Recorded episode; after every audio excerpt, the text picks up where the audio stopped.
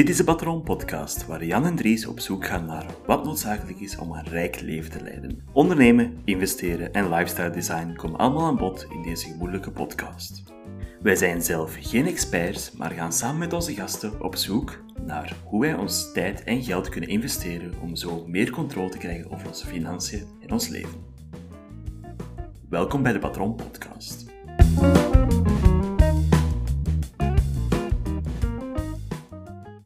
Welkom bij een nieuwe episode van de Patron Podcast. Dag Dries. Ja, ik, ik, ik wist even niet wat zeggen. Het is zo'n heel epische intro, Jan. eh. Oeh, ja, het is ook een epische episode. Ja, ja. Jan, maar is niet elke aflevering dat we doen een epische episode? Het is altijd fun om met jou, eh, op zijn minst een heel amusante aflevering. is alles, alles wat we doen. Ehm, maar deze aflevering heeft van achter in de episode nog een belangrijke mededeling. Ja, een heel nieuw zeker. concept dat wij gaan introduceren in deze podcast. Dus eh, zeker blijven luisteren naar het einde. Ja, je- Nu mogen we dat niet vergeten. Nee, ik ga dat hier opschrijven, man, want anders vergeet ik dat zelfs dat we iets moeten zeggen. Oké, maar deze aflevering gaat over eh, minimalisme. Dat is inderdaad... eh, Dat, dat komt me bekend voor, minimalisme, Jan. Ja, we hebben er al eens een aflevering over gemaakt. En heel veel reacties rond gekregen. Heel veel plays ook. Dus eh, mensen zijn wel geïnteresseerd in eh, content om minimalisme. Dat- En hadden ook veel vragen. Dus eh, ja, Hebben wij daar antwoorden ook op, Jan? Dan? we hebben nooit antwoorden. Maar we hebben een rant van 30 minuten dat we kunnen afsteken.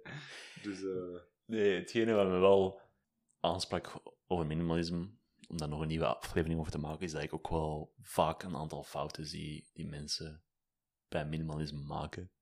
En dit is niet om te prediken vanuit een hoge stoel of van, oh, hier van Ivoren Toren van, ik weet hoe minimalisme is en jullie zijn peasants, eh, voetvolk die niet weten hoe het minimalisme echt is. Het is niet dat soort eh, sterke leer aan eh, ik, ik herken deze zo hard, want ik zit zo heel vaak mede in de libertarian kringen. En de zin dat daar het meeste wordt uitgesproken is: You're not libertarian enough. En dan denk ik van, ah ja, gasten. Misschien dat we, als we iets populairder willen worden, dat we niet gewoon elkaar moeten haten, gewoon van het als een ivoren toren. Zeker. En eh, het is vooral eigenlijk omdat we ook dingen zien die mensen tegenhouden in minimalisme. Om dat echt te embracen in hun life. Dat is ook om, deels omdat ze misvattingen hebben over wat minimalisme echt is. En omdat de mensen die trots minimalistisch zijn, daar vaak ook heel ver in gaan. Ah, iets minder. Want eh, de eerste fout, om het zo te zeggen, die wij zien, is dat mensen ofwel alles of niets doen. Ofwel gaan ze all the way en hebben ze enkel nog een matras en één set kleren. Ofwel zijn mensen gewoon daardoor enorm hard afgeschrikt. Laten we ze eerlijk zijn, dat is terecht. Ja, En bestaat ze gewoon niks te doen. Ik denk dat minimalisme is ergens een continuum van enerzijds helemaal niks hebben, en anderzijds gewoon pure verzameldrift. eh, echt hoorden, echt eh, dat je je huis niet meer kan binnenkomen omdat overal spullen staan. En er is ergens een heel continuum in. Je kan zelf voor jezelf afvragen van, zou het beter zijn met een beetje minder? Dat is een eh, oprechte vraag. En denk dat dus niet te hard in het zwart-wit moet denken. Niet van, ofwel ben je minimalist, ofwel ben je geen minimalist. Het is ergens... ja, want ik weet niet waar ik in dat spectrum zit. Ik probeer zo minimalistisch te leven. mhm. Maar er zijn nog altijd wel dingen. Ik heb dat ooit tijdens, ik weet niet welke aflevering dat juist was, maar over mijn brief aan Gustave de Molinari gepraat. Mhm. Heb jij ook zoiets waar dat jij, jij embraced ook wel minimalisme voor een deel? Maar zijn er dingen waarom dat jij zegt van, als ik de, de YouTube-video's van Matti Diavella zie bijvoorbeeld, deze is het verschil met mij er nog altijd bij. Heb jij zoiets concreet? Ja, ik denk dat je vooral voor jezelf ook moet gewoon bepalen van, oké, ja, dit is wat voor mij belangrijk is. Ik weet dat voor jou die brief is belangrijk, omdat dat ook een van de auteurs is die je veel bestudeert en dergelijke. Klopt. Dus dat heeft ook echt waarde voor jou. En denk, wij gaan niet de, de judges zijn en zeggen van, ja, je hebt zoveel boeken staan, schande. Je hebt een platenspeler met zoveel platen, schande. Zijn denk nu dat- gewoon mijn interieur aan het pissen, Jan? Want dat zijn echt Ja. dingen dat je hier kunt zien, man. Ja, ja, er is. Voel het. hè.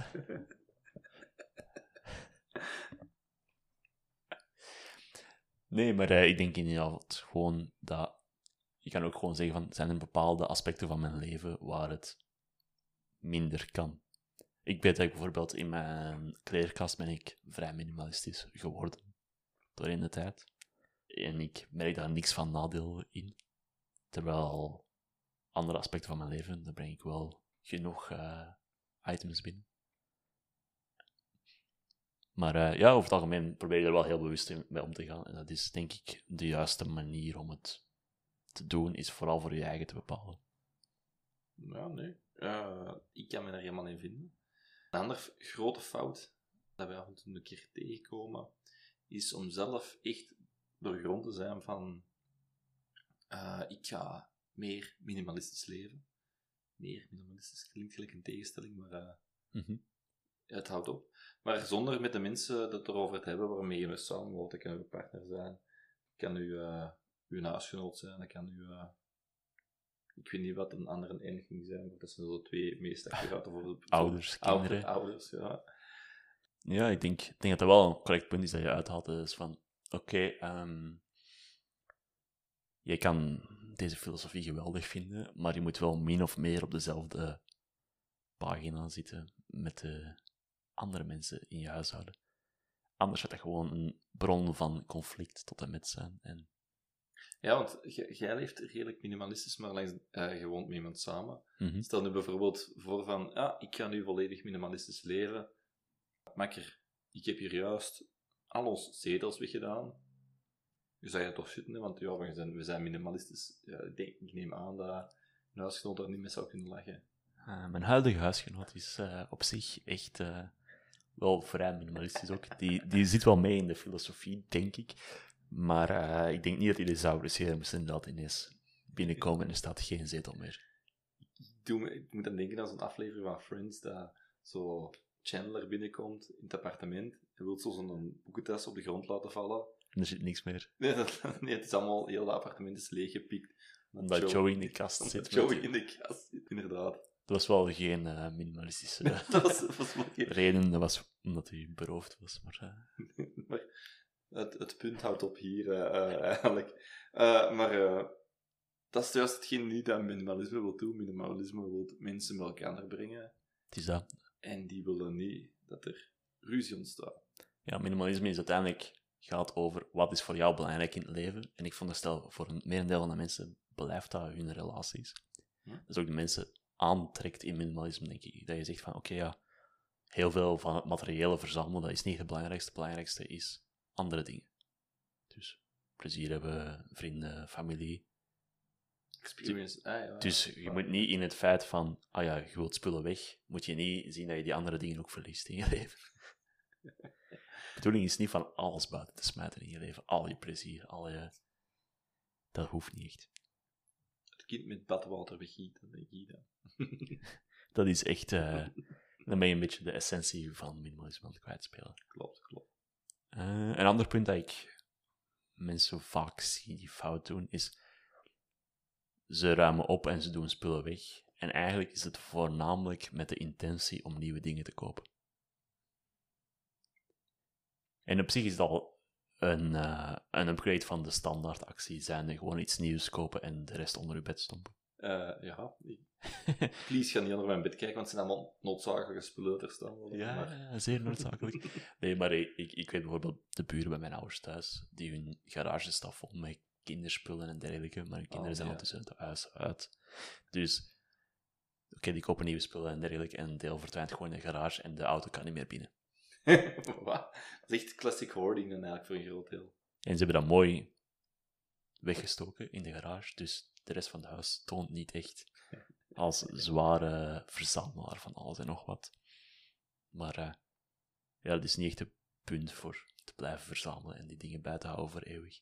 Ik denk dat minimalisme is ergens ook gewoon, ja, vooral dus van, oké, iemand anders kan er nog geluk van hebben van die spullen. We doneren die, verkopen die, whatever. Ik wil er even over inpikken, want ik heb pas, ik weet niet welke podcast dat meer was, maar ik kende toevallig de kunstschilder Andy Warhol. Ja, die was ik nog wel van op de hoogte. Ja, ik ken hem, ik ken hem. eh. ja, die heeft, blijkbaar is dat het extreem voorbeeld van een hoorder geweest. En hetgeen dat je hier nu juist aan had, past perfect bij wat die persoon was. En dat zo blijkbaar ging je naar de markt. Die- Zag je bijvoorbeeld een heel coole tinnen blik, de- zag, dat is echt aan dacht van, oh, deze moet ik hebben, this is something I need to have. Ja, die denkt natuurlijk niet in het Nederlands, aangezien het Amerikaans is.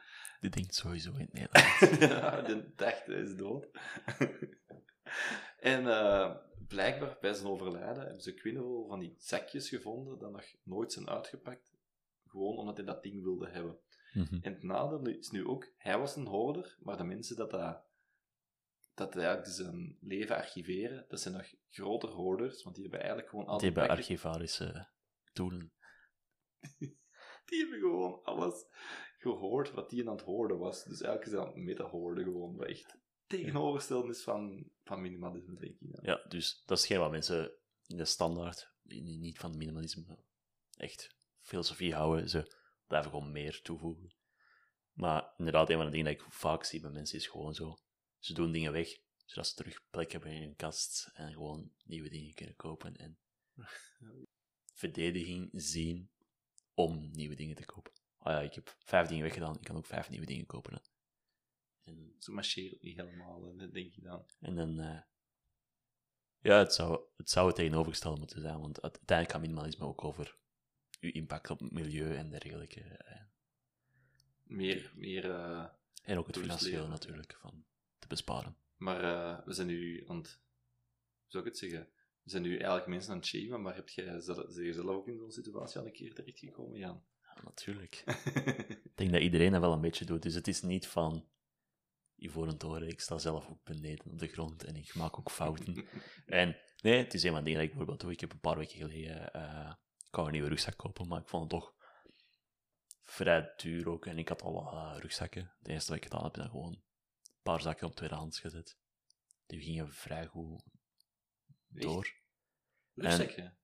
Ja, gewone zakken. En, eh, ja, ja, inderdaad. Tassen voor op reis te gaan en zo. En ik heb er uiteindelijk drie verkocht voor de prijs van uiteindelijk één eruit te halen. Dus aan zich vrij minimalistisch. Maar het was ook wel ergens een verdediging voor die zak toch te betalen.